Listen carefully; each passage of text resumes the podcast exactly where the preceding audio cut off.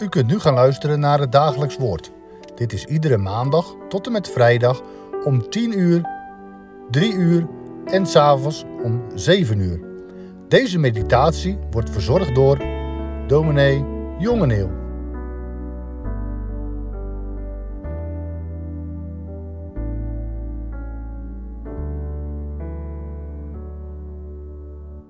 Goedendag, luisteraars. Het schriftwoord voor vandaag is Marcus 5, vers 1 tot en met 8. Ik lees het aan u voor. En zij kwamen aan de overkant van de zee in het land van de Gadarenen. En toen hij, Jezus, uit het schip gegaan was, kwam er meteen uit de grafspelonken iemand met een onreine geest tegemoet. Hij hield in de grafspelonken verblijf en niemand kon hem binden, zelfs niet met ketenen. Hij was namelijk dikwijls met boeien en ketenen gebonden geweest. Maar de ketenen waren door hem in stukken getrokken en de boeien verbrijzeld, en niemand was in staat hem in bedwang te houden. En hij was altijd, nacht en dag, op de bergen en in de grafspelonken, en hij schreeuwde en sloeg zichzelf met stenen. Toen hij nu Jezus uit de verte zag, snelde hij naar hem toe en aanbad hem. En met luide stem schreeuwde hij: Wat heb ik met u te maken, Jezus, zoon van God de Allerhoogste? Ik bezweer u bij God dat u mij niet pijnigt. Want hij had tegen hem gezegd: Onreine geest, ga uit van deze man. Tot zover het schriftwoord. Is dit een mens? Ergens in de achterhoek woont Wessel ten Boom. Een man met een door breuken getekend leven en tegenwoordig ook door ziekte getekend. Een dominee, maar enigszins miskend. Eigenzinnig en eigenwijs lijkt hij mij. In mijn optiek heeft hij echter ook wat van een profeet, een tegendraadse waarheidszegger. Ik las artikelen van hem en ik kreeg er lucht van dat hij op persoonlijke titel een paar prekenbundels het licht had doen zien. Op mijn verzoek stuurde hij mij zo'n prekenschrift toe. Preken na Pasen heet het, met daarin een preek over het gebeuren van het Bijbelwoord van vandaag. Een preek gehouden op 19 juni 2016 in Boksmeer. Voor de rest van dit dagelijks woord lees ik u stukken uit die preek voor. Zo maak ik er opnieuw een voorleesmomentje van. U weet, ik doe dat graag. U laten delen in wat ik zelf mag ontvangen. En zo lees ik aan u voor, zie, daar is een man die een leven leidt van verdwazing, eenzaamheid en razernij.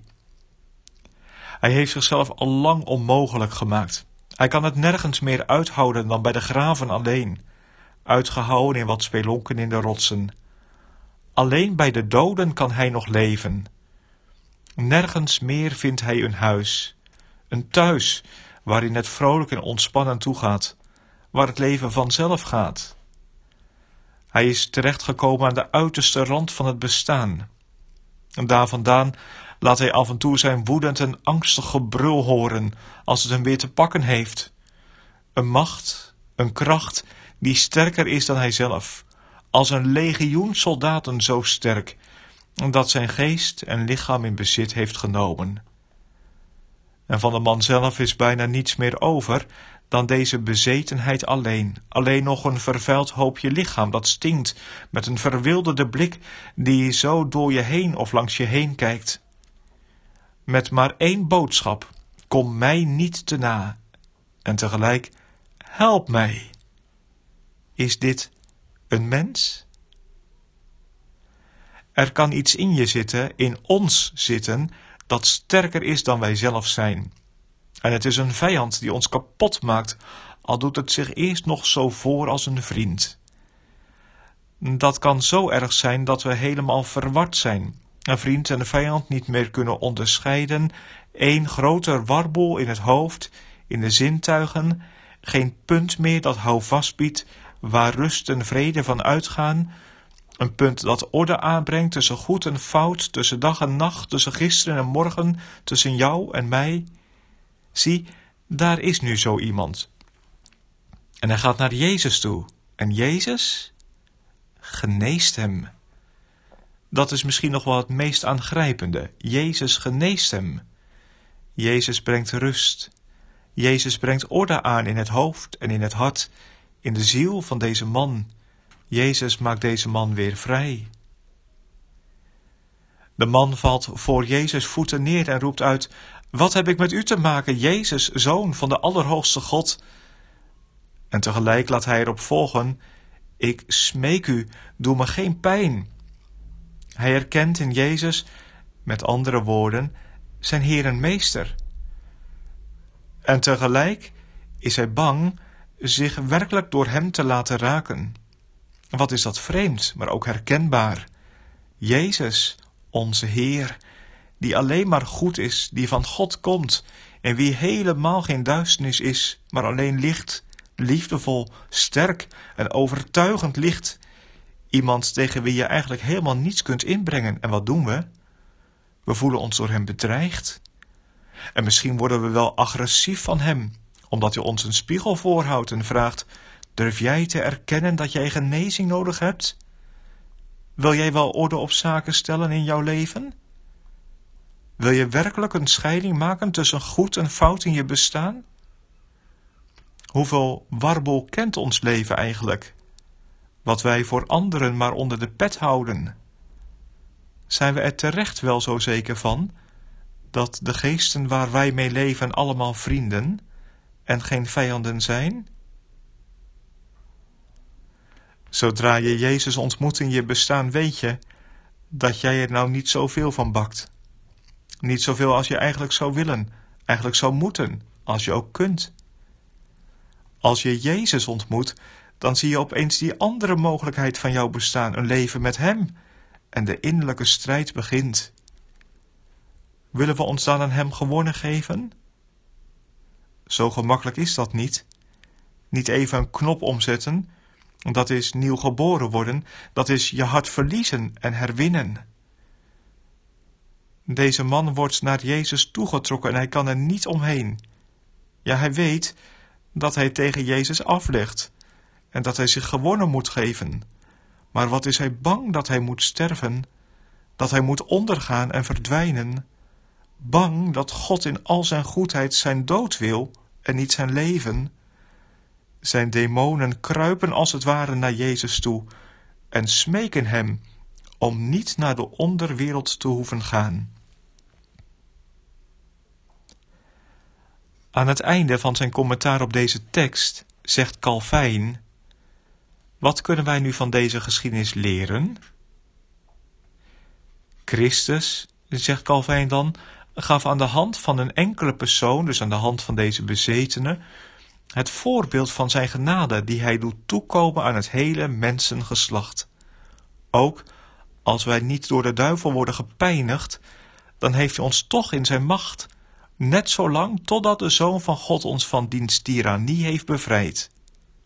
Ja, zo gaat Calvijn verder, naakt, verscheurd en misvormd tasten wij rond in het duister totdat Hij ons een gaaf en rustig hart schenkt. Er blijft voor ons niets anders over dan dat wij door het roemen van Zijn genade onze dankbaarheid tonen. Calvijn zegt daarmee: Je hoeft helemaal niet gek te zijn om toch onder de tirannie van de duivel te vallen en daaraan te lijden. Dus om te leven in waan en illusie, al mogen deze in de wereld nog zo vanzelfsprekend zijn, maar ze zitten je dwars. Zolang je geen goed zicht hebt gekregen op Gods liefde en goedheid, zolang je niet weet van Zijn genade voor ons, mensen, zolang je dus Christus met agressie tegemoet gaat, zolang leef je in het duister en ben je helemaal niet vrij. En daarom Lieve gemeente, wij mensen zijn helemaal niet zo vrij als wij denken. Wij worden meer geleid door machten en krachten dan wij beseffen. De God van het geluk, wie knielt er niet voor? Diep verweven in ons leven zitten machten en fluisteren ons toe: kies mij, dan zit je goed. Het is een stem die in ons zegt: ach, goed en fout, rein en onrein, dag en nacht. O, zo heilig. De stem die zwijgend in ons brult: God van de genade, ga weg van mij. Laat mij mijn eigen boontjes doppen. Calvijn zegt dus: aan de hand van deze krankzinnige zien we onze eigen situatie van een leven zonder God. Wie God de deur uitdoet, haalt demonen binnen, raakt gevangen en verstrikt. Maar wie God binnenlaat, laat zijn demonen gaan en wordt bevrijd.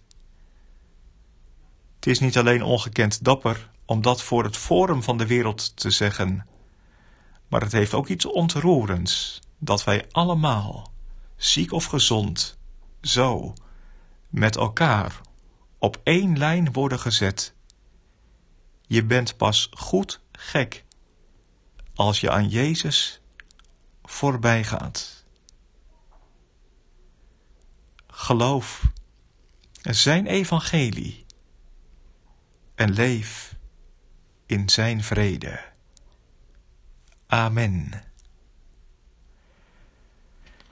Tot zover voor vandaag uit uw preek van Wesseltenboom. En laten wij nu samen bidden. Onze Vader, die in de hemelen zijt, uw naam worden geheiligd, uw koninkrijk komen, uw wil geschieden, gelijk in de hemel, zo ook op de aarde. Geef ons heden ons dagelijks brood, en vergeef ons onze schulden, gelijk ook wij vergeven onze schuldenaren. En leid ons niet in verzoeking, maar verlos ons van de boze. Want van u is het koninkrijk, en de kracht, en de heerlijkheid, tot in eeuwigheid. Amen.